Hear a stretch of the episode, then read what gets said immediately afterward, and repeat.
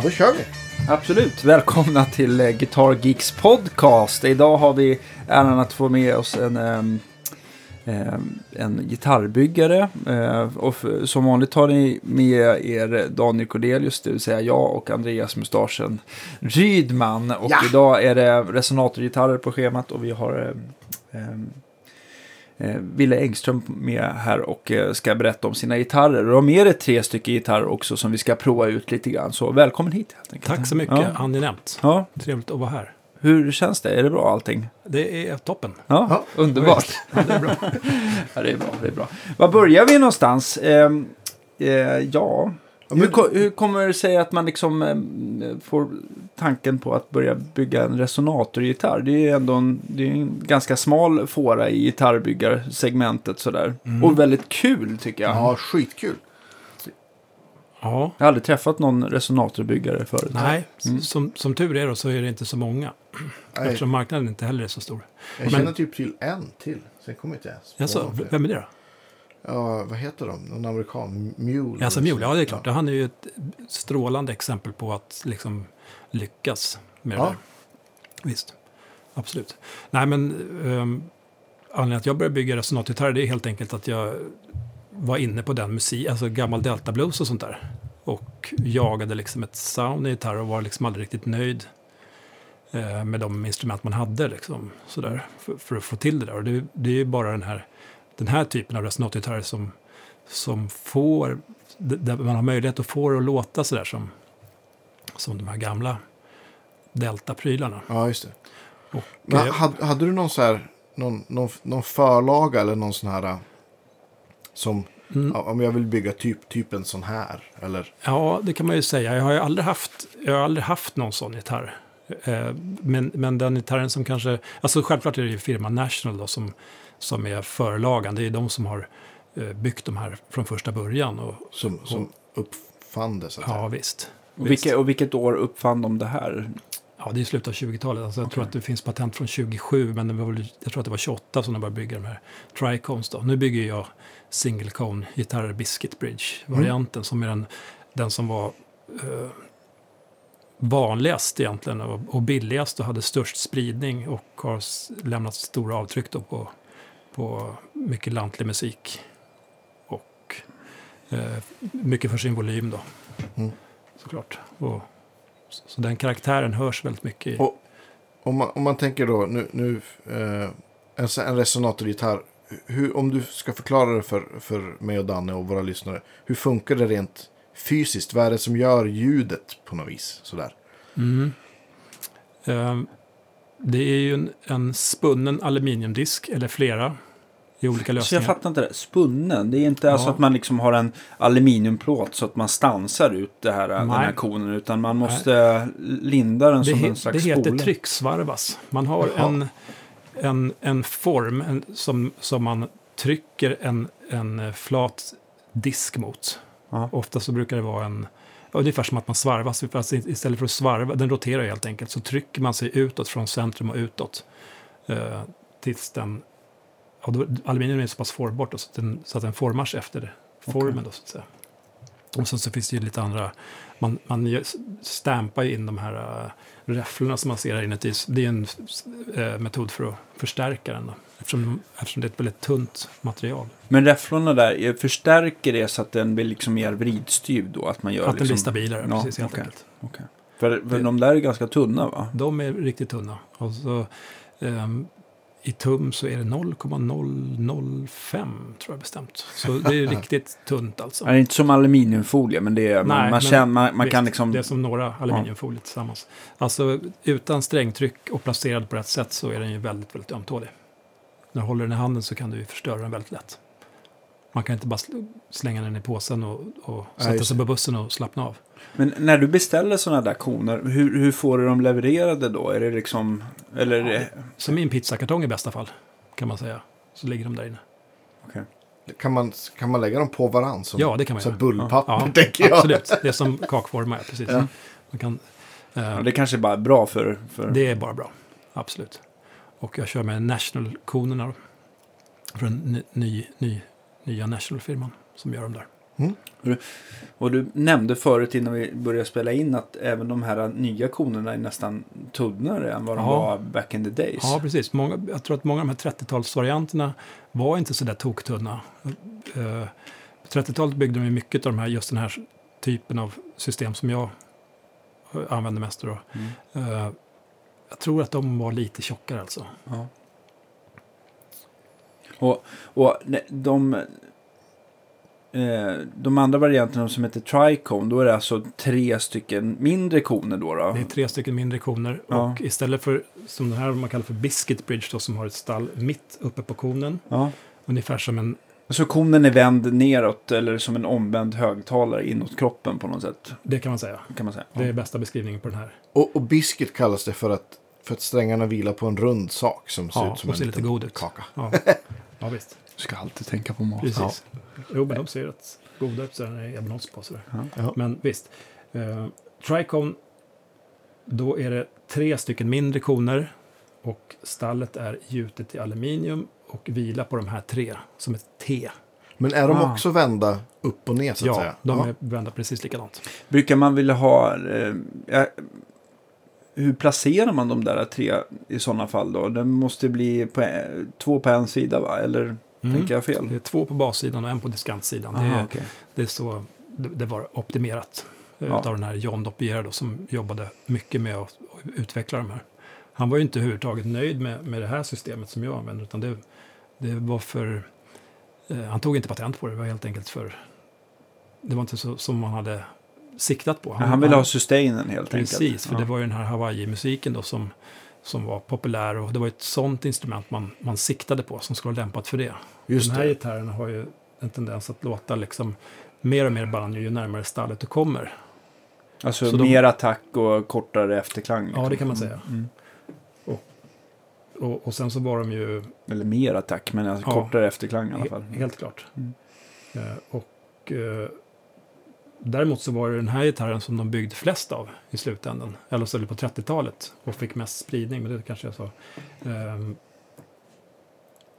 och den var ju liksom lämpad för att sätta i produktion, för den är lite enklare att bygga än vad en Tricone är. Ja, det låter ju Och enklare krångligare med- med... Enklare med setup och sånt där. Men, men är de här gjorda i, det ser ut som att det är gjort, eh, eller den här är gjord i stål som du har, men har de alltid varit det eller har de mixtrat med andra material också? Ja, eh, de, de eh, förnämligaste instrumenten som National gjorde, de var i nysilver, eller German silver, alltså som är mässing med nickel. Så här band, bandmaterial samma typ, material va? som vi har i banden. Mm. Visst. De är ju mest ansedda. De här instrumenten, alltså single cone-varianten, de byggdes ju mest i stål. Det finns ju modeller också som gjordes i mässing sen med förnicklade kroppar. De heter Style O, de där tror jag. Just det.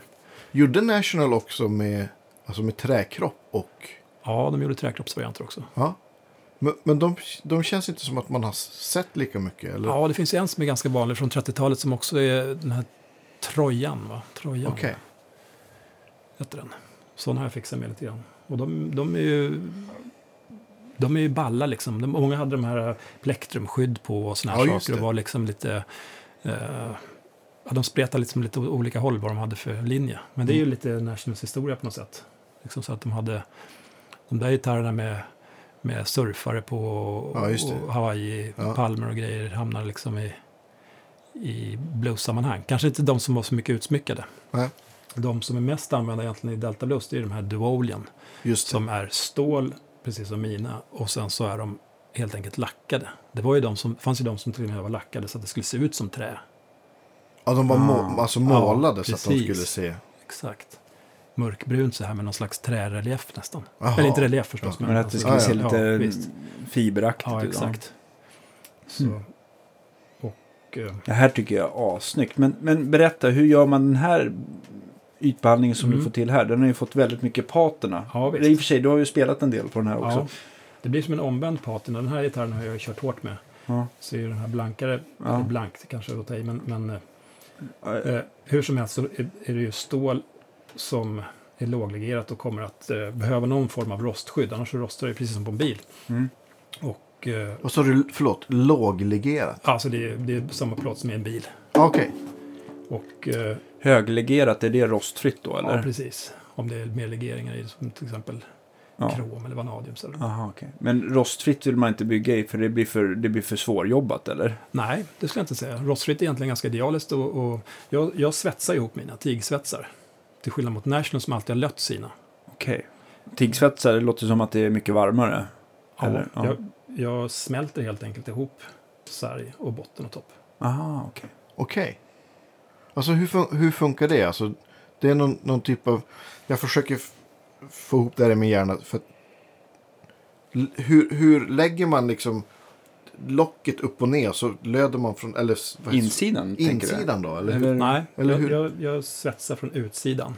Okej. Och då när jag smälter det här då får jag en svetsfog. Den kan man kika in och se så här på insidan. Som flyttar egentligen hela... Flyttar in... ehm, det budgeterar ju då så att jag får material på insidan så jag kan göra den här avrundningen. Ah. Hade jag inte gjort det så hade jag inte kunnat gjort den där avrundningen. För då... Den här sargen är 0,7 mm tjock. Okej. Så det är inte så tjockt. Nej, Toppen är 1 mm. Och botten brukar Nej för det, det tänkte jag på det, Mm. det jag kände på den här innan. Att, att den, den känns inte så tung som resonatgitarrer brukar vara. Nej, det är ganska tunt material. Sen är det ju, är det ju ganska... Lite mindre eh, kropp Lite också. mindre kropp också. Det gör ju ganska mycket. Ja, just det. Och lite, li, li, inte lika djup kanske heller. Eller? Absolut inte. Den här Nej. är ju verkligen inte... Den här är ju väldigt tunn. Är liksom, När man håller en sån här aktion också, den väger verkligen ingenting. nej, det är, Nej. det är ingenting. Men om man tänker så här, varför har du valt eh, svetsa istället för att löda då? För mig låter det ganska logiskt. Svetsa känns ju som att, att det borde bli, bli ett bättre och jämnare resultat. Mm. Alltså när jag började med det här, då var det ju för att jag ville åt det här instrumentet för min egen del. Ja, Och eh, då, då, då var det liksom den metoden som stod till hands på något sätt. Eller det, det, det kändes... Eh, ehm, alltså det här var ju på slutet av 90-talet som jag byggde min första. Och jag har krånglat rätt mycket med det här med svetsningen. Det är ju först på, när jag gick på gitarrbyggarutbildningen här på Musikinstrumentakademin som jag tog svetsningen ett, ett, eh, till vad jag är nu. ja. Mhm. Eh, Frågar man en svetsare om att, att göra sådana här jobb så tycker de liksom att det är, det är nog inte... Jag tror inte du ska ge dig på det för att man, det är besvärligt att svetsa i så här tunn plåt Ja, och att det kommer slås och sådana här saker. Men Men hur gör du? Sätter du upp det på någon sån här ställning som håller allt? Eller jag har provat försöker- lite olika varianter och, och har liksom en, en form för att, att fixera. Men det, det går inte... Alltså, jag gör det ganska mycket frihand Mm. faktiskt. Eh, Jag böjer ju sargen kallböjd helt enkelt. Det är ju inget... Det är ju Ja, det är så tunt så att det funkar. Ja, det går fint att böja. Och eh, sen så häftar jag liksom fast den med så att allting sitter ihop med små loppor då med, med svetsen. Ja, just det. och Just sen det. så fyller jag i resten där. Mm. Och sen får man liksom slipa av kanten och, och Exakt. jämna till det. Exakt. Antar jag, för att det är väl svårt att svetsa så där Ja, jämt. Men, Ja, precis. Och, och, Det är- ja, den, här, den här känns ju som att den är lite så här... Eller den har ganska mycket så här patina. Ja. Eller, jag, vill, jag vill inte Jo. säga relikerad, men, Nej, men det ser ut som att du har spelat ganska mycket på den här. Ja, det också. har jag också. Den har, det här är ju vanlig, naturlig rost. Mm. Det här som, som är brunaktig. Ja. Ja, visst. Medan den här ytan som också har den här bruna, den, den är ju är ju gjord med... eh, Gud vad snyggt. Det är ju samma teknik som, eh, som man har på skjutvapen, alltså en, en syrabehandling. Alltså blonering eller brunering. Ja, just det. Alltså, det- för det- att skydda mot. Skydda mot rost, ett Ja, tungt det. oxidlager som sitter på ytan. Så gör jag med mekanik och alltihopa. Det är ju, Ah, du måste okej. ju blända in. Jag gör ju, nu är det, den här instrumentet har jag inte gjort det på micken. Det är för att, ja, vi pratar om det där, eller liksom det här med eh, skomakarens barn-principen. Där, liksom, att inte, jag är, det här är min gitarr, den har Toman case liksom. ja, jag förstår. Och, eh, och så. Men, men jag tänkte också den här syrebehandlingen, Mm. går den göra på vad som helst? För den där micken är väl kromad? Eller jag Mm. tänker att det kanske Ja, beror precis. på lite vilken ytbehandling Exakt. det har också. För på nickel så går det fint. Ja, Och på krom eh, går det inte så bra. nej. Men jag, jag kan ju få den att, att, att se. Jag, jag gillar inte när det är sådana här blanka. Liksom det ser ut som att man skulle. Att det hör hemma i duschen eller man kokar pasta eller någonting sådär. Ja. För mig. Eh, det är inte min Nej. melodi riktigt när det är sådär japankrom blankt. Och eh, den här ytbehandlingen, kan, jag- jag kan ju liksom aldrig eh, återskapa den här. Så den får ju sitt Ja, fingeravtryck. det där är som ett säga. konstverk. Och, Alltså, bak, framsidan är fantastiskt snygg, men baksidan också. mm, Jag skulle nästan kunna... Ja, Nej, vi, jag ska, jag ska, vi, vi måste Men lägga vad, ut vad är det för syra man använder? Är det, det, är det en hemlig cocktail? som, Nej, det är, det är inget hemligt. Alltså, den är inte så lätt att få tag på alltid. Hade det varit eh, rostfritt, då är det saltsyra helt enkelt. Nu är det inte det här rostfritt, så då funkar det bra med... Det, det jag använder, det är helt enkelt... Eh, jag köper en färdig blandning som är för... Ja, det, är för så här hobbytyper som gör, sitter med sina järnvägsspår liksom. Jaha, För okej. att de ska se, som bygger järnväg. Ja, det finns det. ju folk som gör det. Alltså, Ja. så det köper jag på hobbyaffären. Ja. Får beställa ibland då för att det inte... Men det innehåller något eh, som man inte Ja, ska ha på händerna i Koppar. alla fall. Ja, det är Ja. riktigt. riktigt. Men inte ska dricka. Nej, man ska inte dricka det. Nej. Absolut inte. Nu, nu tittar jag också på halsen. Vad är det för trä? Det är valnöt. Det har varit, Det är valnöt. Jag har kört hårt med valnöt. Det är det du brukar se i din skunk stripe på din Fender-stratta. Ja, okej. Ja. Alltså, ja. Ja, det brukar de Ja. brukar köra valnöt. Det är ett jättebra träslag och, och Är det också så här vapen? det är precis vad det är. Det har Du är väldigt vapenfixerad. Eh, ja, nu kom det fram också. Ja, visst. Jo, faktiskt. Alltså min, min eh, metallhistoria eh, har ju stått och slipat i mässing och aluminium och sånt där som barn när man skulle bygga revolvrar och sådär. Och Coolt. Mm. Du, när det gäller valnöt, påminner det om något annat träslag som man brukar se? Jag tänker på lönn eller mahogny som är Mm. ganska mycket vanligare i Ja, gitarrhalsar. precis.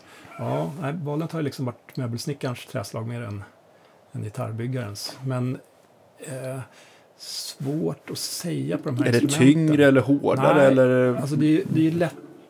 Det är väl ungefär lika tungt som kaja, men skulle man jämföra med den mahognen som man använder på de gamla gitarrerna som jag kikar på egentligen så är den mahognen tyngre. Den här Honduras är ju ganska tung. Okej, och kaja det är någon afrikansk Ja, här, eh, variant? Precis, som används väldigt mycket. Och den är ju, den är ju, det är ju kanon. Jag är ju avundsjuk på de som använder det, för då får du ju jättestora fina plankor för ganska måttliga pengar. Mm. Och det är ju ganska lätt. Och jag vill inte ha onödig vikt på mina instrument. Nej. Och jag använde ju, när jag började så tyckte jag liksom inte att jag ville ha, alltså, jag hade inga sådana här meningar om, om att det var fint med Rio Jacaranda eller något sånt där. Utan valnöt kändes liksom naturligt att använda. Och greppbrädan då? fortsatt. Är det? Greppbrädan är ebenholts. Ja. Och det är väl det enda sånt här liksom exotiska träslag som jag inte skulle kunna Var göra utan, slut liksom. med. Precis. Nej. Just för sitt, alltså så på greppbrädan så tycker jag att det är optimalt. Inte bara liksom som, som material eh, som sådant, utan även liksom det estetiska. Så att, eh, jag gillar de där.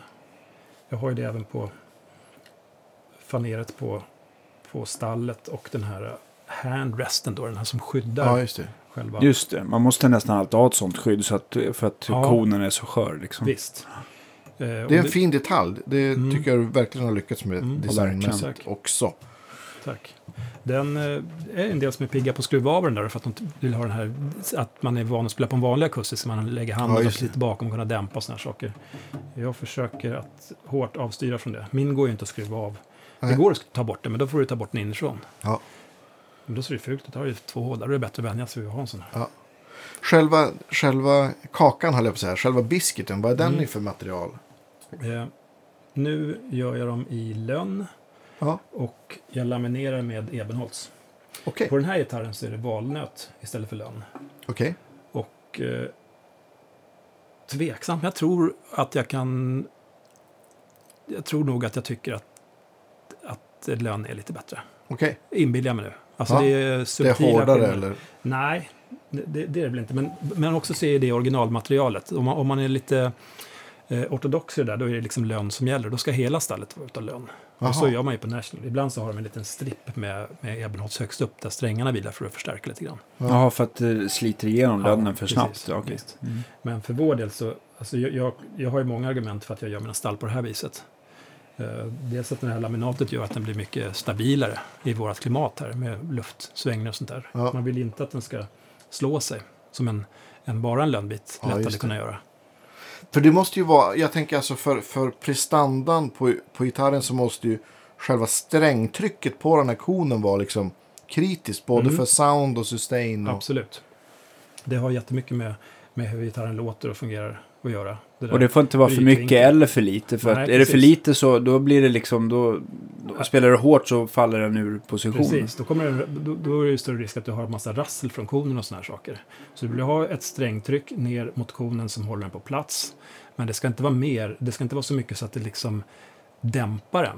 Så att den inte får, har lite rum att vibrera. Men märker man, kan, kan det liksom vara livsavgörande bara på millimetern? eh, Eller kan det vara, för jag tänker på att, jag börjar bara tänka på folk som äger sin Les Paul. Va? Mm. Då har man ju oftast ett sånt här Tunomatic där man har ett intonerbart stall och så har man en stränghållare. Och många brukar ju skruva den i botten för, för att få, de tror att det ska bli så eh, mycket hårt. sustain som möjligt. Va? Ja, att det det. blir en så Ja. hård Ja, brytpunkt som möjligt. Och jag vill minnas, jag tycker nästan att det själv när jag har experimenterat på mina Les Pauler som jag haft under åren att det har inte blivit bättre ju längre Ja. ner de sitter utan man kan nästan skruva upp dem så att strängen löper ehm, med mindre brant vinkel och framförallt inte träffar bakre delen av det här Tunomatic-stallet. Är Ah, va? Så det kan vara Ja. så att det ligger både på stallet det. och så vilar Ja. det en gång på nästa kant Precis. också. Ja, och det blir- tycker jag, man, skruvar man upp det så att det lägger sig åtminstone ovanför det. Ja. Sen så finns det folk som också som har kört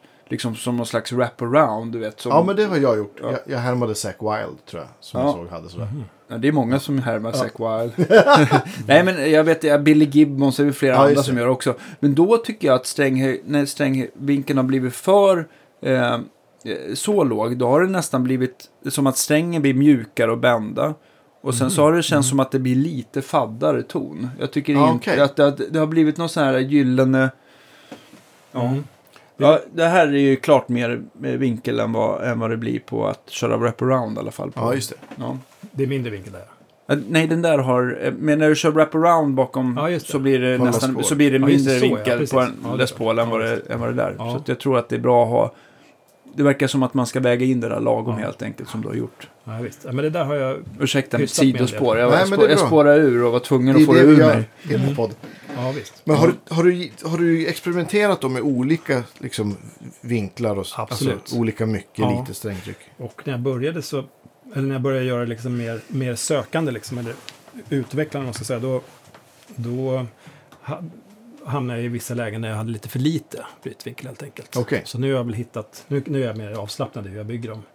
Eh, jag vet ungefär hur jag ska ha dem. Liksom. Är det lika känsligt så här vilken vinkel man har på huvudet, tänker jag? Eller? Nej, alltså, alltså, För det där brukar ju också folk ju- tjata om. det är ju gi- gitarr generellt då förstås. Ja. Och eh, eh, som jag ser det, om jag meckar med någon TL och sånt där, då tycker jag alltid att de har för lite vinkel. Jag tycker det ska vara lite mer. Särskilt på diskantsträngarna. Mm. Och det här strängtrycket är Ja. liksom inte nog utan... Nej, precis. Mm. Det när folk har såna här tunna strängar liksom, som Ja. sitter fast, knappt fast där. Det blir liksom ingen tydligt avslut. Mm. Däremot så vill man inte ha en jättehög vinkel på en tjock spunnen sträng. Så att det ser ut som att det nästan pekar ut från gitarren. Ja, det. Att man nästan ser det fast gitarren nästan, om man stämmer en idé så, så är det som att man ser att den liksom vill fortsätta ut från gitarren. Ja, precis. Den, vill, den får nästan en liten rundare kurva Ja. än vad, liksom, än vad Ja. själva vinkeln. Det känns ju jättedåligt. Så Men- där vill man hitta lagom. Men jag kan också i och för sig, om jag nu får försvara Fender med, Mm. med att ha lite flackare vinkel. Ibland Mm. kan det ju vara schysst om man vill använda svajet för att strängen ska Ja. glida över Ja, sadeln så mycket som möjligt Ja. och inte Mm. stämma ur sig så kan det ju vara bra att det inte... Men det kanske är rent tonalt att det är bättre att det är lite brantare bakom Ja. huvudet. Ja, Och Van Halen hade ju till och med strängarna, han skruvade dem uppåt för att få liksom mindre vinkel. För att hans svajningar skulle hålla bättre. Mm. Men det var måste väl innan han haft stränglås på gitarren? Ja, alltså första ja. Van Halen-plattan är ju liksom vanligt Fender-stall och det är inget Floyd på den. Och då hade han liksom, då satte han, just av den anledningen så sk- skruvade Mm. han strängarna inte så att de fick mer vinkel ju fler varv utan, Mm. utan så att, den gick, att det blev flackare. Ja. men det, då är det inte Ja. en akustisk gitarr man säger. För Nej, Nej, det är precis. lite andra... nej, precis, det blir en helt annan. Ja, de, Nej, nu, nu ägnar vi oss akustiska gitarrer. precis. Vad heter det, du har ju också, om man tittar på, jag har ju tittat på din Instagram jättemycket. mm. Och om man, om man tänker, de, eh, man säger dina ljudhål känns ju Mm. också som en så här unik ja, visst. feature på dina, Mm. eller design feature på dina Skitsnyggt. instrument. Ja, helt fantastiskt. Men så här art deco. Ja, visst. verkligen. Ja. Jo, nej, men när jag byggde min första där, då, de här ljudhålen har jag hängt med sedan dess. Jag, det var ju 99 där och sånt där, med ritade dem där. Och eh, då hade jag ju ganska tydliga regler för mig själv, liksom estetiskt om man säger Mm. sådär. Och, och, eh, så språngbrädan är ju liksom den här slutet av 20-talseran liksom, och Mm. National framför allt. Mm. Men jag vill inte bygga en kopia heller. Så de har hängt med sedan dess. Men, men eh, Mm. blir det mer volym ju öppnare det är? För att jag Nej. tänker att annars är det ju som små, små F-hål liksom, på gamla Mm. Nationals. Ja, precis. Eller inte Eh, där ljudet kommer ja. riktigt. Jag, jag har ju aldrig gillat F-hål Nej. på något sätt. För min egen del. Nej. Alltså. Mm. Men eh, eh, nej, om man säger mycket av diskant om man skulle micka med en extern mick till Mm. exempel, då är mycket av det här diskanta ljudet liksom. Och eh, så, det, det får man nära koden faktiskt. Mm. Genom de här små hålen på coverplaten. Mm. Medan det kan vara om man sätter en mick här, då, kan man få, då får man lite mycket av det här bullriga re- reverben liksom, som, som kommer bakom själva just det, just det. attacken. Då, då har man det här äh, lite mm, svårkontrollerade ljudet och mer bas förstås. Ja, just det. okej. De är Ja, men inte- som ljudhållet på en, en vanlig akustisk gitarr. Nej. Nej, Nej, precis. Ja, De har ju absolut inte samma. Även om man Nej. stämmer lågt så har de ju inte samma botten Ja. som en... Ja, visst. Nej, skulle man ha för stora sådana här hål, då skulle man ju liksom förlora kompressionen i instrumentet. Ja, just det. Och det är ju också någonting som man eh, är rädd om, eller jag i alla fall. Liksom, det vill jag, vill jag åt liksom. Ja, De har ju... Och, och, han var ju som sagt inte nöjd med det här instrumentet. Doppler. Han tog ju inte ens patent på det. Liksom. Så det var ju alltså den här single varianten ja. Eh, Det var ju bara en, en väg i processen fram till triconen skulle man kunna beskriva det. Och eh, eh, det var ju också ett av skälen till att, det, att de gick isär då, den här Bechamp då, som han gjorde. Som var Som liksom var andra mer business-sidan Precis. av... Precis, som var andra hälften av National. Utan honom så... Men, Men, men, men, men, men, men, Doppera, förlåt, eh, eh, patentet då på, på Triconen, eller? Han tog patent på Tricon, men och det var också bundet till National-firman. så att när de gick okej. isär så kunde han inte fortsätta bygga de där. och vad gjorde han då? Då öppnade han Dobro? Dobro, ja, visst. Aha. som är ett nytt system. Som han då sa var det ultimata. Sen senare när de, ja de gick väl ihop sen på något sätt så har han sagt att hans livsverk är Tricone. Okej. Liksom, det är hans liksom, bästa, bästa lösning. Dobron har ju en ytterligare egen, egen karaktär. De, då är det ju Spiderbridge kallar de det för. Mm. Att stallet som är också där, liksom på Triconen så är det ett gjutet aluminiumstall med flera liksom armar som vilar på konens ytterkant. Och, och så vänder man konen helt och hållet Ja, va? den ser mer ut som en sockerkaksform.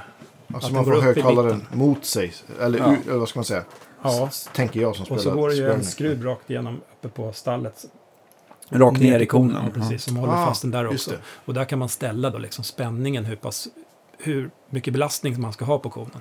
Och då, vill, då är det samma sak där. Då vill man ju ha att den har bra kontakt och håller sig på plats. Men den ska inte vara eh, så att den håller den fixerad så att den inte kan röra sig. Men är, det, Det- men är den konstruktionen mindre skör för att man kan med Ja. yttre påverkan så att Mm. säga slå sönder Den den, här eller gitarren, om sned? den får en hård smäll här, då kollapsar ju konen. Ja. Och så, Så är det väl med Tricone också kan jag ja, tänka precis. mig. Det gör det ju.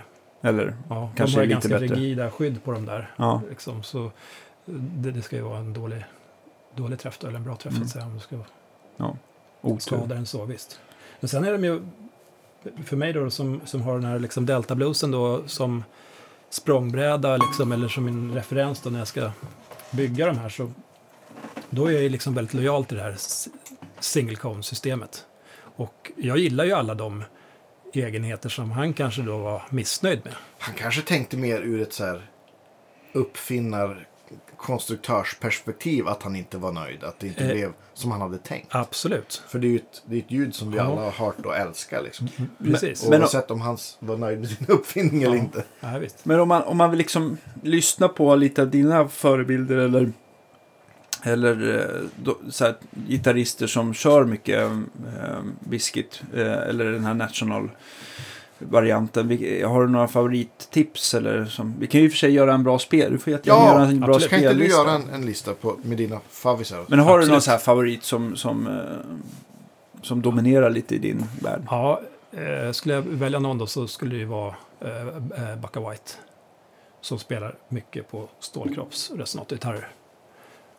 Duolian eller? Ja, eh, precis. Jag tror att han kanske spelar på någon sån här eh, förnicklad så här Style någon sån där också. Okej. Kanske senare, men mycket, mycket Duolian. Mm. Alltså de, de inspelningar man hör bäst på, då, då, är, då är de ju liksom gamla. Då. Det är ju på 60-talet när de får någon sån här blues-renässans, sån här Ja, folk men- eh, Precis. Atlanta Folk Blues Festival och såna här saker. Ja. Liksom, där de är inspelade med liksom, schyssta mickar och man hör gitarren och sådär. Men finns det även tidigare inspelningar med? Ja, visst. Med Och de är super, superbra. Ja. Visst. Absolut. Finns, han- det, finns det flera, eh, ja det måste ju finnas hur många som helst som, som, som är fantastiska gitarrister. Ja. Utom, har du några andra favoriter som du kan? Ja, det, det är många av de här självklara, liksom, som Sonhouse till exempel, gillar jag jättemycket. Men han är ju... Han, ja, han är ju svåröverträffad när det gäller liksom känsla och liksom passion och den där biten. Men han spelar lite yxigare liksom, när han är gammal förstås. Okej. Men han spelar ju också på single cone resonator. Och det är ganska intressant det där att den här, den här typen av, av system, single cone biscuit bridge, den är liksom i, i blues-sammanhang det självklara, medan triconen är det självklara i, i Hawaii-musiken Mm. och den här dobron helt och hållet omfamnas av countrymusik. Mm, Liksom. För det är en självklarhet där. Mm. Då kanske den som egentligen är populärast och mest använd, Okej. eh, faktiskt. Ja, för, för det var ju det var ju en sån Hawaii-boom där. Det var ju liksom dåtidens popmusik. Visst. Var man liksom, spelar man stillgitarr så var man Justin Bieber. Ja, ja visst. Det är ju ganska... Känner du det så? Ja, Alltså, absolut. Det ja. känner jag alltid när jag spelar. Be- be- jag, tänkte, jag tänkte på om man, om, om man säger att eh, Triconen, den, har väl, den är känd för att den kanske inte har den här banjo-effekten som singelkonen. Mm. Att den, den har lite mindre attack och längre sustain. Ja, Hur lägger sig dobron? Lägger den sig mitt emellan eller vad, vad hamnar Ja. den någonstans? eh, svårare kanske. Alltså, de- den tycker jag är den som har mest eh, av den här karaktären som kanske inte... Så om man, om man del kallar, tycker att liksom resonatgitarr är nasala då, liksom, eller har något liksom sådär, eh, inte bara bra ljud, som man, om man säger. Då Förkyld? tycker jag själv då liksom, eh, lite partisk då, liksom att, att dobren är den som har mest sån liksom, karaktär som är liksom bestämd. Ja. Okej. Det är också, särskilt om man lyssnar på gamla, om man lyssnar på gamla Gibson Dobros är det ju verkligen så. Mm. Om man lyssnar på nya till exempel Beard så låter de ju mycket liksom, finare och, Ja. och liksom mer Ja, raffinerat. visst. Även, vad heter han, eh, eh, Sandén har gjort Ja. liksom ett Square Neck Dobro som, som, och, som låter liksom gitarrigare. De har Mm. liksom inte ba, bara Mm. näsa. Liksom. Jo. Ja, men de är väl också lättare att, eh, att ta till sig. Om man är gitarrbyggare så, så kan man ju i en vanlig gitarrbyggarverkstad sätta igång och bygga en dobro Ja, i trä, liksom, sådär, Ja. eller en träresonator. Medan det lite, krävs lite andra resurser för att bygga metall på det här Ja, viset. det är klart. Så, och, och, och det är jag ju glad för, kan man Ja. säga. Att det, inte- att det inte är för många som bygger sådana här, eftersom marknaden är ganska begränsad också. Ja. Sådär. Det är inte alla som känner att de får vind i håret när de lirar på en sån här. För att allting förstärks ju liksom. Och, och då måste man ju använda det till sin fördel. Ja, och, och, och det är ju olika där. En del tar upp dem och bara, nej, jag måste ställa bort den direkt liksom. För att man, man pallar liksom inte att, att, att allting hör så mycket liksom. Och, och är det något som blir fel någonstans så kan det bli jättemycket fel liksom. Mm. Man, har- man har lite att jobba med liksom. Det är ingen gitarr för fegisar. Nej, nej visst. Får man känna lite grann på den där? Självklart. Jag spelade på den förut, men Ja, jag ser, Men coolt. tvungen Den där, var ju lite, den där var ju lite speciell för det var väl en 16-bandsinfästning sa ja du va? precis. Ja, är Och, då, och, det, och det vanliga är då eh, 14 eller är det 12? 12, 12 är det. Det är väl det vanliga. Det var ingen som la 14 på 20-talet liksom. Nej.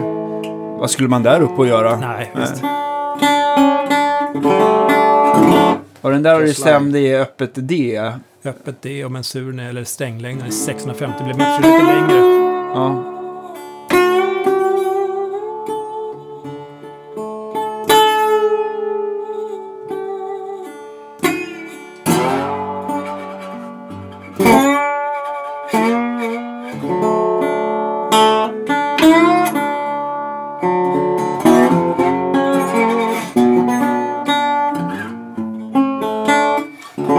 Fantastiskt instrument verkligen.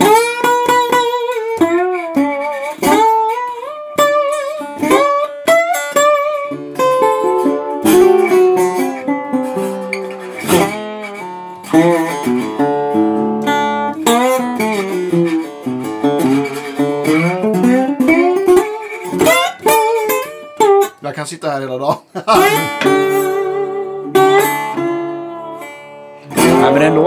Faktiskt riktigt, riktigt trevligt. Det känns, det känns också som att det verkligen så här kastar ljudet framåt. Så här, ja, det är ganska volymstarkt där man sitter framför Andreas. Visst. Och de där var väl liksom byggda för de här bluesgitarristerna. För den är mest högljudd av de här tre konstruktionerna Absolut. också. Den, har ju, den är ju oöverträffad i, i projektion. Alltså. Det finns ju inga gitarrer som, som, har, som kan ja, någon Arstop då kanske, liksom, men som har det här penetrerande, eh, liksom, vad, övre mellanregister där. Ja. Liksom. Men, men det, man kan tänka sig också de här blueskillarna att de liksom de satt där i gatuhörnen, eh, en på en i vardera hörn och skulle överrösta den andra så behövde ha en volymstark Ja, gitarr. Ja. Nej, jag ställer bort den där för annars kommer jag Jag kan. Tappar jag fokus totalt. Fan vad fin. Och den här har du satt i mick också. Det, Ja, eh, precis. Vad är det för någonting du har hittat? Det var en Ja. liten humbucker ser det ut som. Mm. Det där är ju en eh, mini-handbacker som man kan splitta. Då. Och, eh, jag har ju provat Prova runt med en massa olika sådana där. Okej, men eh, just det, och det är den här lilla switchen. Du har, du har ju en volymton och en liten... Eh, Ja, det är ingen ton på den där, utan den där har ju dessutom en piezo i stallet. Ah. Och jag är, jag är ingen piezo-kompis egentligen, men i det här fallet så funkar det bra. Det blir en, en ganska enkel variant. Den är liksom lite sådär cigarbox-prylen. Och det, den är ju, om man använder en stereo, mm. stereokabel till den där så kan man ju dra den till två olika. Om, man, om jag har använt det så har jag kört en piezo direkt till bordet Ja, just det. och eh, eh, handbacken i en starkare. Okej. För handbacken, då, kör man bara den så förlorar man ju hela den här dynamiken som man är van att använda när man spelar akustiskt. Ja, det blir elgitarr. Ja, mer, precis. liksom. Du, du, Ja. Det är det som är, alltså karaktären på det här instrumentet rent akustiskt är att ju mer du trycker i, ju mer volym får du. Precis. Ja, det är otroligt dynamiskt. Ja, Upplever du att du får lite mer dynamik om du kör den i single-coil-läge än humbucker? svårt att säga. Det kanske man har en bättre förstärkare eller sådär. Men jag, jag har ju kört någon sån här uh, Halkan transistor 60 wattare. Så Ja, jag tror i och för sig att den har rätt bra headroom för en gitarrstärkare. Ja, ja, jag den dynamiken kan inte mäta sig med den akustiska. Så att det blir att man spelar annorlunda. Det kan vara lite frustrerande, har jag tyckt. Eller tycker jag. Liksom. Ja.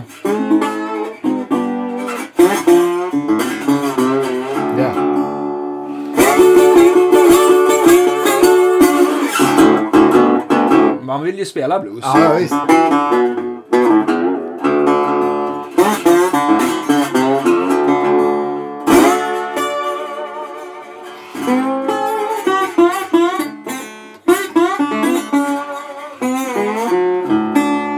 Det är ju alltid ett problem att, att elförstärka resonatorgitarrer Ja, på ett ja sätt som ger dem rättvisa. Liksom. Ja. I, i, sär- särskilt när det blir bandsammanhang.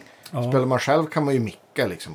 ja visst. Ja, men som ja, men Bob Rossman gjorde det på ett Och, föredömligt sätt. Att Ja. flytta gitarren visst mot han tog det där väldigt långt liksom. Ja. Men kunde utnyttja alltihopa. Nej, men den här lilla pjäsen, den, den, den hjälper ju till då. Alltså det, i alla fall så har man ju väldigt stora möjligheter att, att, att lösa det vidare på massa olika sätt. Eh, Men, men då får man ju behålla lite av den här känslan av hur gitarren fungerar akustiskt. Just kommer det. ju med. Klonka i här så hörs det också liksom Mm. på något sätt. Och, eh, det, det hjälper. Däremot så, så den senaste sån här jag byggde gjorde jag i micken själv då, en Firebird-mick. Just det. Ah, Och pluggade på ordentligt innan sådär. Jag är ju som sagt inte, jag kan inte mickar. men vad då? Du lindade micken själv? Ja, med hjälp av Magnus Rammel här som ni har. Ah, ju- In-house. Han har ju Ah. apparat, ja visst. Och Han har en apparat? Mm. Ja, vi, Ja, vi har lindat om lite mickar faktiskt här när det har gått sönder någon spole. Så att, eh, han- Kul. Mm. Ja. Det, är, det, är, ga- det är ganska pillrigt. Det är lite pyssligt, Ja. eh, helt klart. Och, eh, eh, men, men jag blev ju jättenöjd med den här Firebird. Ja, Den hade ju du precis provat när jag Ja, den var sålde helt den i grym. Berlin där. Men Firebird-micken den, den, den har ju samma form som en mini-handbacker fast den inte har polskruvar. Den är ju som en, som, som en eh, eh, slätkåpa kanske man kan säga. Ja, just det, eller om den är nu förnicklad eller kromad. Va- varför eller, har den inte, det har jag tänkt på, varför har inte en sån mick de här skruvarna? Som, Ja, Ja, för den där, det var väl... Eh, vad ska man säga? Det är väl två magneter istället för en va? Precis, magneterna sitter i spolarna. Ja, just det. Och eh, Eh, istället för då som på en handback att det är pole pieces som går igenom och magneten sitter under. Som Ja, på just den det, här just till exempel. Mhm. Och man kan ju även, det här är ju, alltså det här med, jag, jag köper ju de här billiga mickarna nu för att jag provar runt. Jag har egentligen inte varit så här jättemissnöjd, men heller inte jag varit överväldigad av, av mickarna sådär, men inte lagt så mycket krut på det liksom. Mm. Och de här billiga GFS, har jag kunnat köpa massvis med olika och prova. De har ju Mm. väldigt många sådana här. Och det här är väl egentligen den som kanske är sämst, som sitter på det här instrumentet. jag Va, är, vilken variant är det där då? Är det någon Jag het tror- eller jag någon tror att den är snällare lite variant? hetare faktiskt. Ja. Kommer inte ihåg, de har så liknande namn alltihopa. Men de, de är historia för min del. Nu kör jag med den här, nu har jag ju recept på den här nya som Ja, jag ja, okej. okej. har gjort. Så att nästa gång jag bygger den så kommer det ju sitta en sån mini-handbacker. Då kommer jag ju, om inte någon, det, det här är alltid en möjlighet att kunna ha en piezo i. Men Just den det. funkade ju så bra. Då får man ju, då får man ju ta det för vad det, vad det är, liksom, att det blir ett annat instrument. Det kommer inte låta som en resonatorgitarr, men det kommer inte låta som En elgitarr. the average elgitarr heller. Men är det tänkt sen att du ska hitta en Firebird mick som du kan liksom nästan göra samma syrabehandling så att den liksom smälter Ja. ihop med Absolut. övriga gitarren? Så att den Det inte blir, gjorde för jag. här, nu, den här poppar ju fram ganska Mm. mycket i sin kromade Ja, färg. visst. Kanske, jag har ingenting emot det, men jag kan Ja, tänka jag- mig... Du har det? Ja. Ja. Jag håller handen för den när jag spelar.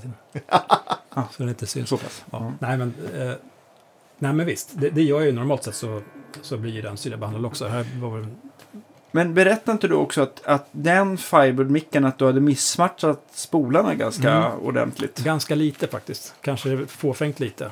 Alltså jag, jag kan ju inte, jag vet ju inte riktigt. eh, Men eh, ambitionen för mig, det var ju, jag, jag ville ha en splitbar så jag kunde slå den i, i single coil-läge. Ja, just det. Och att du inte skulle tappa för mycket volym. Precis, och jag vet inte om det var det som men det, det funkar ju väldigt bra. Ja.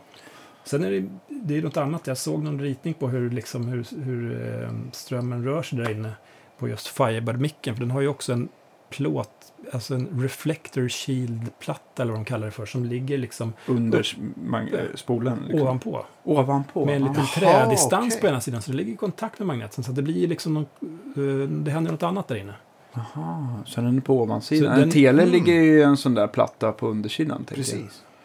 Den får ju väldigt egen, egen karaktär liksom. Ja. Det hörde man ju, du, du hann ju prova den här i, Mm, i Olssons förstärkare. Det, det blir ju det är tufft, tufft ljud. Mm. Man hör ju liksom karaktären på micken. Man liksom lyssnar på Johnny Winter liksom. Eller Precis. någonting, så, det där fa- egna Firebird-stuket liksom. Ja. Och man kan dra på högt och det är fortfarande crisp liksom. Ja. Det här kommer med liksom. Ja. Så den, du, du känner, för det tycker jag, vi har ju nämnt det här i typ varenda podcast, men, men, men just det här med varför man gillar single coils, det är ju oftast att man tycker att, ehm, att eh, det är svårt att få samma öppenhet i bassträngarna, de lindade strängarna. Tycker du att det blir bättre i Firebird-micken, att det blir liksom lite krispigare? Ja, nu sist så tycker jag att det, det är ju tveklöst den, det bästa eh, jag har hört. Den. Det lilla som vi han Och det, är provar här. brum, Ja. och det är brumfritt och det är, om, Ja, man, om man nu har den i Ja. handbackerläge så Ja, att säga. visst. Visst. P90 kan ju vara ganska stökig annars, brum, men den har väl kanske lite av det här krispet, tänker Ja. jag. Sen så tänker jag också att, eller jag har ju, jag har ju siktat på de där Firebird-mickarna länge, men jag känner att den står ju liksom på tur att bli balla-micken snart. De, definitivt. Ja. Absolut. mig. Ja. Det bestämmer vi. Ja, det det, bestämmer det är vi. en Ja, genomklubbat. det, det måste det vara, för den är ju Ja. så pass egen och har, Ja. ju, har ju alla de där kvaliteterna som, som single coil-typerna Precis. eh, plussar på. det det har sätt. man ju på, om, om man lyssnar på Johnny Winter så, Ja. så är det ju liksom, det klippet i diskanten är Ja. ju mer åt single coil-hållet än humbucker-hållet på något vis. Mhm. Ja, Fast det är som kralligare Mm. än en single coil. Sen hade jag ju på den gitarren hade jag ju också de här eh, Pro Steels, alltså stålspunna strängarna. Just det. Och det var ju också ett... Eh, eh, jag, jag gillar ju när, när karaktärerna blir liksom tydliga istället för att liksom försöka eh, jämna ut och blidka så många som möjligt så kan jag tycka att det är ballt och jag tror jag har mer att vinna på att trycka på den karaktär som man kan få. Liksom. Men Pro Ja, Steels har ju mera, alltså det är ju mer output i dem än Ja, ja, vanliga visst. nickelpläterade. Eh, det, det som jag tycker kan vara skönt med nickelpläterade är att de inte är riktigt lika sträva när man, liksom, Mm. när man, när man Mm. glider med fingret på dem. Mm. Men det är, det är också en, säkert Mm. en hel del vanesak. Mm. Ehm, Va, vad kör ja. du för, för strängtjocklek där? På den här gitarren som har den här långa mensuren, då, 650, och Ja, det är, det, då är det längre än Fender. då är det längre än fem. Då, då får du ju bra strängdrag då, liksom, man lite man stadigt. ser så. faktiskt det också. Kan man hålla den mot min Ja. stratta här så man får Ja, det kan man se, kan, man kan se lite grann hur mycket längre Matcha blir. stallen där. Jag har matchat där, du som ser Ja, då ska vi upp lite här.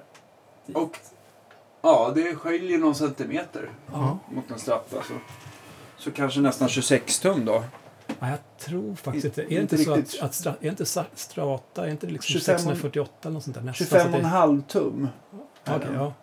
Så jag tänkte den där, men det, det skiljer en centimeter från ungefär. Ja, typ Jo. 26 då. ja, men det är mycket med det där med, Mm. med strängar. Alltså. Det här är ju nickelspunnet eftersom jag har magnetsmick. Ja. Mm. Eh, och eh, det är ett vanligt... Jag, bruk, jag, jag, jag brukar inte behöva... Jag kompenserar ju strängarna för öppen stämning, men det gör jag inte på bassidan. Jag tycker alltid att det funkar bra med... med jag gillar inte att kompensera dem för mycket. Jag tycker att, det, att jag vill ha liksom kärnan kvar. Ja, visst. Eh, Däremot så byter jag till första strängen till en 15 och andra strängen till en 18. Just det. Fan, det är heavy duty. Ja, det är det verkligen. Ja, men det är fortfarande helt... I det så är det ju helt hanterbart. Ja, det är det. Och man ska inte spela Albert King-bändar på den där heller. Nej, så- nej, precis. Det är ju, det är ju tungbänt Ja. såklart. Mm. Men, men för, för slidespel så är det ju... Tycker jag att det är bäst så. Sen de har andra gitarrer som har kortare mensur, då, då kanske jag inte kompenserar till 15. Men um, som den här mellanstora gitarren här som också är en liten gitarr, där kompenserar jag, har jag ett 13 set och sätter på en 14. Och så Ja, låter jag. B-strängen vara kvar som en 17. Eller. Ja, just det. Ja, men det är sån klassisk Ja. And G Ja, slide-gitarr. Det är många som spelar slide som liksom inte är medvetna om det där. Liksom, som kommer i verkstaden så, kommer sådana tips. Och det är ju, det är ju sådana otroliga Ja, framsteg, Mm. den lilla skillnaden. Precis. Ja, man får mycket mer bärighet om man, Mm. om man jämför en, eh, en 12 som är stämd i det eller en 14 som är stämd i det. Så är det Mm. Visst. mycket bärigare med, Visst. med 14. Särskilt på en, ett akustiskt instrument. Visst. Och så tillåter det ju tajtare aktion också sådär. Man, alltså stränghöjd helt enkelt. Har du en stadigare sträng så behöver du inte ha en jättehög Ja, det. stränghöjd för att Ja, kunna det. spela bekvämt. Jag tycker folk är lite fega överlag när de ska stränga om sina akustiska gitarrer. Många som väljer, tror att 12 blir för hårt. Men Men ja, jag, jag börjar köra 13,5 ja du ser. faktiskt. Nej, men jag tycker verkligen... Normalstämt. Alltså, 012 är ju verkligen motsvarighet till 010 på elgitarr skulle jag säga. Ja. Ja. Alltså, ja, 12 tycker jag är... Det är, det är minimum i din Ja. bok. Ja, Ja, på Mm. Akigura. ja på jag. vanlig stålsträngad pratar vi nu. Mm. Det är jag väl förstår, i lite- resonaten när man vill spela slide då vill man ju verkligen ha en, en ju något eh, ordentligt funda, Ja. fundament. Ja. Och Det är väl kanske lite mot. beroende på vad det är för gitarr. Men jag, men jag tycker att... Jag tycker 1356 eller 13,5 till 56,5 finns. Och du tycker inte att du tappar för mycket övertoner också? Nej, jag tycker inte Nej. det. Nej. Eh, nej. Eh, nej, men jag, jag, jag gillar det. Ja. Nu vill jag pilla på den här lilla gitarren. Ja, visst. Den där var tjusig. Den här är... s- Den är, så här, ro, den, är, den är ju nästan så här roströd, eller vad kallar man den där Ja, färgen? faktiskt så är den där, det är ju helt enkelt rostskyddsprimer som jag tyckte var... Jaha, okej. Jaha, Jag, det var så, jag hade ju planer på att göra den där rope bindingen då, målad. Just det. Lackad. tuff. Ja, det är Eh, otroligt fint. Ja, Så det är en skyddslack egentligen? Ja, precis. Det är en rost, rostskyddslack och den kändes ju bra liksom. Eh, jag, var ju tvungen att blanda in Tobbe och Magnus där också i omröstningen. Eh, Ja. faktiskt om jag skulle göra den svart eller inte. Men, men eh, det, vi stannade där. Det här var skitsnygg. Var, Vi ska ju lägga upp massa bilder på de här. Och det här är, den här är då, en, till skillnad mot den, den med 16 bandsinfästning, så Mm. det här är ju någon typ av, jag vet inte, ska man säga? Ja, jag jag vill använder... säga tenorgitarr, men det kanske Eh, man Är inte det där får säga. 12 band eller är det jag som säger galet? Det är en 12-bandare och den är, är ju löjligt kort. Alltså den är ju, har ju tagit bort fyra band från den här 650. Och då blir det ju fyra band i båda ändarna så att säga. Ja, ah, just det. Så det känns som att den är lika volymstark ändå. ja, ja, visst. Då har ju den där ganska tunna strängar för det går ju inte att kompensera upp då liksom. Nej, för det här är, ju- den här är ju Det är som en mandolin snarare. Exakt. Så att om du är öppet eh, D-läge nu så är det D ett D. Ja, just det, just det. Men den där... Den där har du satt, eftersom den inte har mick, då har du föredragit att köra vanliga akustiska fosforbrons, Precis. eller någon bronssträng i alla fall. Mm, precis, du såg det. Det är brons, ja. Det är ju de här Ernie Ball Ja, de där det ser, det där ser ju ut som att de är fosfor för de har nästan så här lite röd ton medan den här 8020 är nästan lite guldfärgad. Eller är det jag som blandar ihop det det? där är 80-20 brons va? Ja, det ser ut som fosfor. Men du har, det är säkert ljuset där inne. Du, det, är, du har, det är du som har strängat den så du borde ju veta. Jag kan svara väldigt konkret faktiskt. Nej men det är...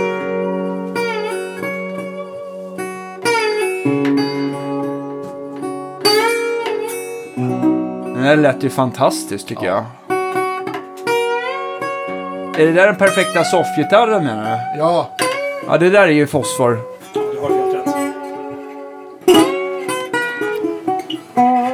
Men det där är ganska tungt ändå på den där. Men det är ju jag menar, det är ju mandolinstränglängd på den där. Så det Just går det. inte att kompensera upp liksom. Nej. Jag har bara byggt den första strängen på den där till en eh, 12.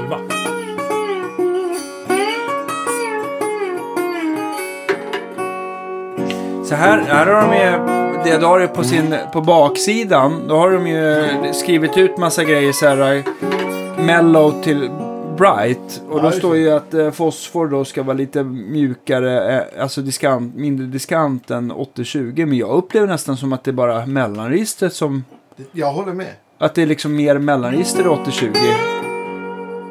Ja. Att det känns lite mer hängmattigt med. Men det är klart, någonting måste de skriva. Sen är det gitarren också som är väldigt... Eh, Den där lät ju helt grym tycker jag. Det är nästan som att den har... Helt kär den här. Du har också en träfärgad gitarr bakom dig. De är så snygga huvudena också. Du har liksom verkligen fått in eh, eh, huvudformen med eh, loggan och den här fyrkantiga klockan är också otroligt vacker. I alla fall på två av gitarrerna har du en sån här dragstångsklocka där. ja, Som, precis. Den här korta har ingen dragstång. Nej. Men den där har ju det, absolut. Är det att den inte alls har någon dragstång? Den har ingen dragstång. Nej, visst. Det är den här klassiska varianten. Man kör, fräser ner två bågfilsblad bara. Så den är, den är stiff. Väldigt stiff hals på den där. Och så är den så kort.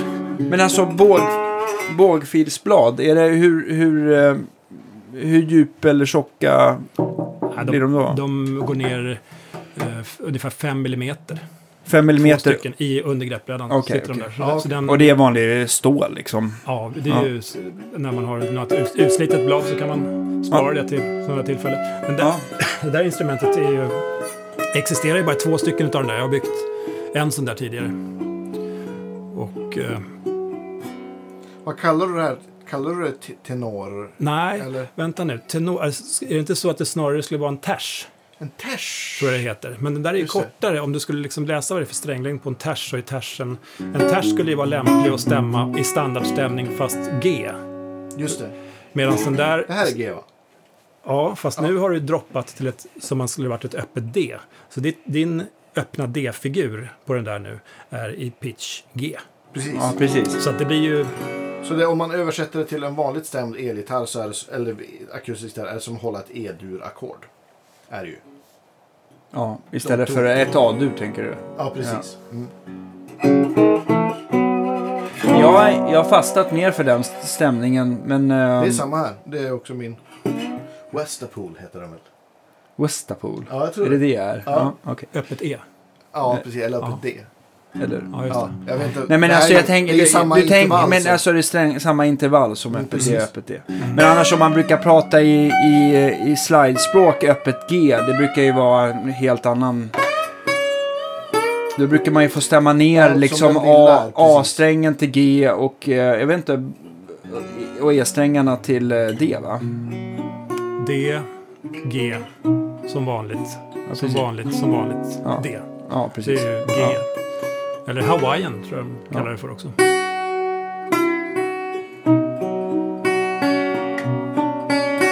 Ja, vi drömmer oss bort. Jag måste prova.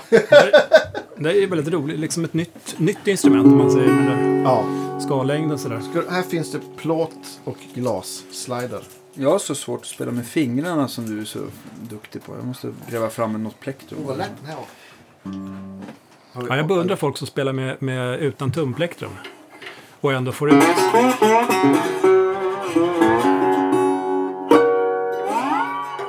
Jag har ju fusknaglar. Ja, det är klart.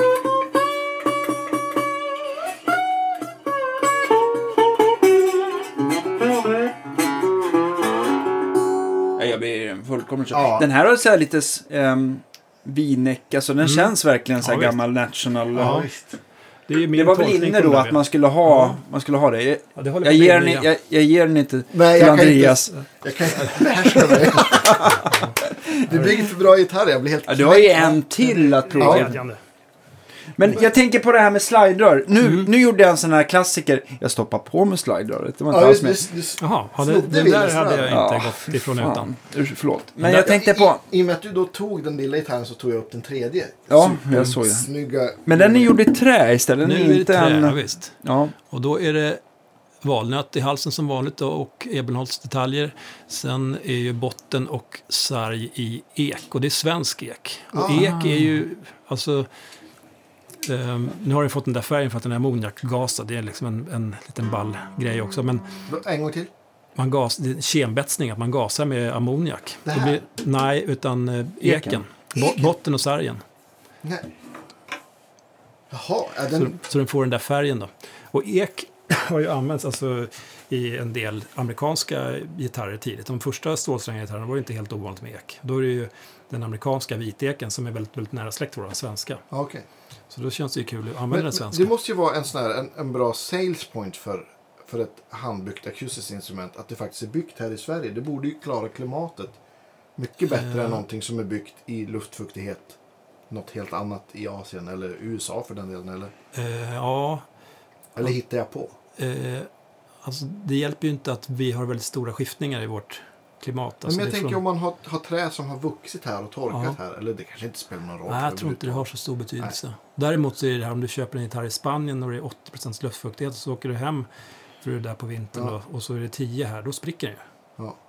Du, du, du I min vara... enfald så tänkte jag att Men den här det- eken skulle vara... ja men, det, Ja, men det, det blir väl, det blir väl ett problem. Det blir väl ett problem åt andra hållet också. Ja. Tänker jag att gitarrerna sväller kan svälla.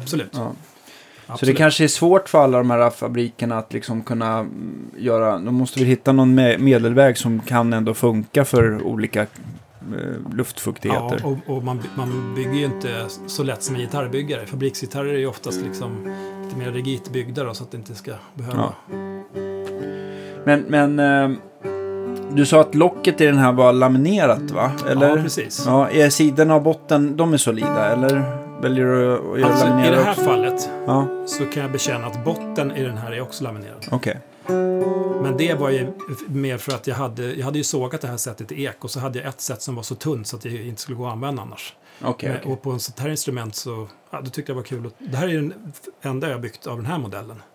Ja. Och den har ju en, en, en eh, s- 642 mm skallängd då, så det, det är ju liksom en liten parley-gitarr fast eh, 14 bands infästning och Ja, eh, Den är otroligt snygg. Ja, det är, och den här har också den här uh, rope det, Ja, precis. Nu kallas det inte det för rope binding tror jag när den inte ligger ut över Ah, själva okej. bindingen. Nej, det det, där är det här är frågan om bara- en lining då liksom. Eller en, Just det, precis. För att det ligger inte runt Nej, kanten. precis. Det är det som... Okej, precis. Ah. jag förstår. Otroligt Jag har, ball. ja, jag har lärt mig.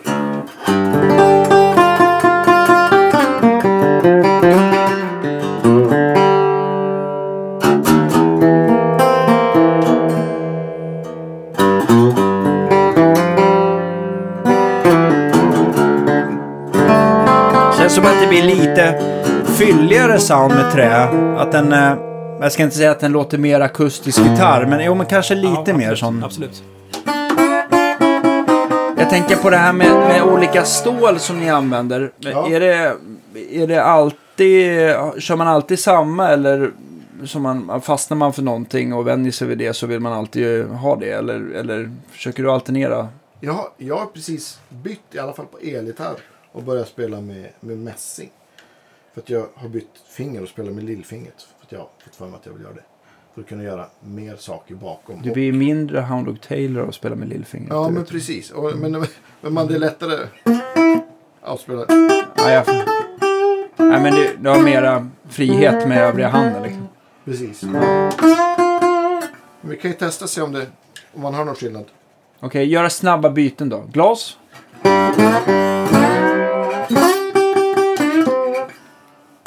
Plåt eller stål.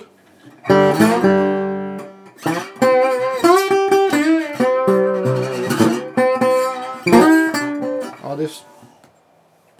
Så, eh, ko- koppar. Nu ska vi få höra mässing. Den här är lite mattare. lite mjukare. Ja. Det passar ganska bra om man... Det kanske blir lite olika skillnader på, på olika strängar och gitarrtyper också. Absolut. Precis. Det svarar väldigt olika. Men, eh, var det inte någon av er som pratade om att det kunde även skilja på glas?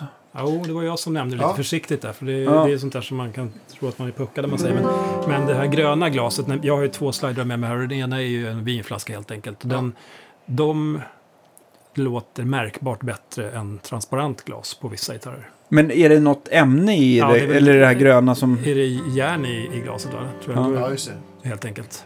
Någonting med det där i alla fall. Men, men eh, vanlig vinflaska låter väldigt bra på vissa gitarrer. Okej. Och då kan man jämföra med en sån här transparent Dunlop så, så blir det här. Sen ska det ju vara bekvämt också. Det andra röret som jag med mig där, det är ju, det är ju eh, förkromat stål Mm. och någon sån här, eh, den köpte jag när jag var 14 år, det var lite set, så då fick man med den och en liten korten som jag inte har kvar längre. Som man liksom kunde kanske köra på en Ja, eller två strängar. Ja, precis. Ja, Jag, jag precis. försökte det också. Ja. Den, den har jag nog kvar någonstans. Men, men den där stålvarianten, den för min del har den vunnit i precision. Liksom, för att den sitter så tajt på fingret och Ja, precis. att man inte åker runt med någon stor grej. Liksom. Medan annars finns det ju de som vill ha jättemycket massa i sliden då, liksom, för att kunna få den här Precis. formbara... Det här slideret som jag har som jag har på lillfingret, det är ganska, det är lite tungt, det är lite, men det har ju mindre massa. Så att, Men det Ja. känns väl också... Jag, är några så här, jag använder inte glas på grund av att jag tappar dem live och de Ja. går i tusen bitar. Och eh, det finns ju ker- keramiskt också. Det är väl också Ja, ganska skört. Och det blir väl ännu mjukare misstänker jag. Ja, jag har provat någon sån där som de kallar för Mudslide. mudslide. Den tycker jag är usel på en akustisk gitarr. Men den kanske är ball på en, på en elgitarr, det vet jag inte. Nej, jag gillar... Eller det är olika, men för min del så är det...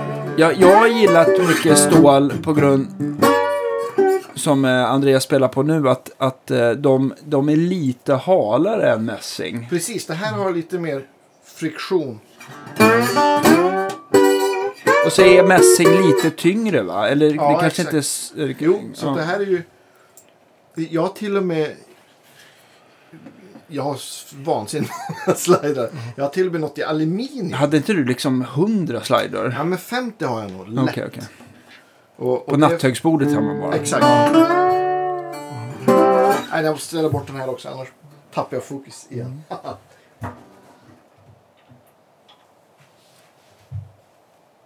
Ja, Så men det, är blir, det blir helt tyst. Vi bara tittar på Ja. fina gitarren här. Ja. Nej, det är helt grymt. Men... Eh, vad tänkte jag på nu? Men om man, om man, eh, om man vill, vill komma i kontakt med dig och titta på dina gitarrer så är väl Instagram var det där som jag Mm. hittade dig via. Ja, Och med Tobbe som är Dannes kollega här också. Mm. ja, just. det. Eh, vad heter du på Instagram? Då heter jag Wilhelm Engström Guitars. Ja, Och där är man ju hemskt välkommen. Jag är ju, behöver all, all hjälp jag kan få när det gäller där entreprenörs... ehm, eller marknadsföringsbiten. Det är ju rätt trögt på det. och där, där finns alla de här gitarrerna va? På bild, Eh, ja, det gör de. har jag för mig. Absolut. Den här har jag haft med ganska mycket. Det är ju... Den är otroligt snygg. alltså. Ja, eh, Eller alla tre. finns det något klipp när Maxi Freeman spelar på den på Ja. Norrport på Roslagsgatan. Och eh, Reverend Payton träffade jag nere i, när han spelar här i Stock, eller utanför Stockholm neråt någonstans här. Förra sommaren var det. Till exempel sådär. Mm. Så jag försöker ju, jag är inte superaktiv men jag lägger ut något lite då och då. Ja. Och så har jag en hemsida men den är under, vi har, vad ska jag säga, ja, självbestraffningen nu är att jag måste göra klart hemsidan och ambitionen att, eh, eller idén att spela in videosnuttar lite ambitiöst och liksom med folk som kan komma och demospela helt enkelt. Ja. Så, och lägga jo- jobb på sånt istället för att... jag kan Börja komma och spela. projekt. Då får jag spela på dina Ja, gitarrer. ja absolut. Hemskt gärna. Ja, Hemskt räcker gärna. padden, jag an- anmäler Ja. mig frivillig här. Det är bokat. Ja. Absolut. Och sådär. Och jag bygger ju ganska, det är inte så att jag bygger 50 stycken per år utan snarare fem stycken per år. Sådär. Om du, vad- skulle du säga realistiskt, hur många skulle du hinna bygga, tror du? Ah, vad svårt. Nu har jag ju liksom gått åt andra hållet lite grann. Att jag inte vill binda upp mig vid en bestämd modell och Nej. liksom inte eh, är så liksom road av att tänka att jag ska sätta det i en produktionslina. Utan snarare att jag, att jag bygger väldigt custom. Och, Ja. och jag menar, de här gitarrerna som är med mig nu är ju ganska olika. Och, Ja, de är ju verkligen... eh, de här kan jag bygga väldigt annorlunda. Är det någon som vill ha en sån här fast djupare så går ju det. Och, och eh, den här finns det ju många lösningar på också. Mm. Mm. Och den här trägitarren som, som är en 642 mensursvarianten som du spelar på sist här nu. Den, den, eh, det är ju en 14-bandare och den skulle ju säkert vara kanon att, att göra i stål också. Just det. Den varianten.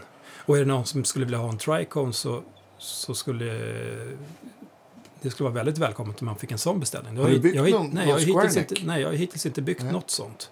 Utan man har ju fullt upp med det här. Det som jag säger det med... Det kanske är årets julklapp för mig. Ja. ja. Absolut, det, det tycker jag. Ska jag säga det hemma. Mm. Det kommer ju slå väl ut tror jag. Mm. Men- Nej, otroligt. Nej, jag bara, jag bara nyfiken. Jag, för mig, jag har liksom ingen aning om hur, hur... Jag förstår ju att det är enormt mycket jobb att f- och, och, och bygga en, Mm. bygga en Men, gitarr. vad, liksom. men vad, vad börjar de på prismässigt? Är det 30 plus eller vad? Ja, det är det. Det är Ja. 30 bläcket. Ja.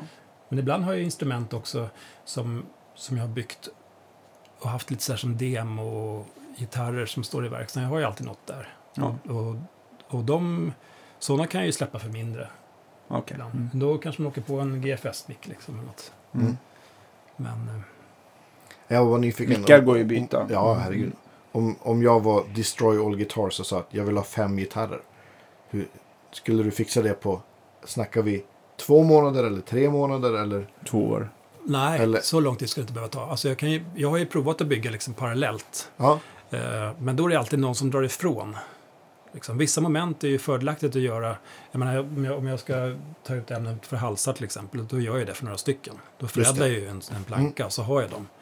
Ehm, och de här, de här tre mensurerna är ju också väldigt praktiska att bygga materialsmart. För att den här lilla halsen, den går in under den här så här. Det är svårt att beskriva.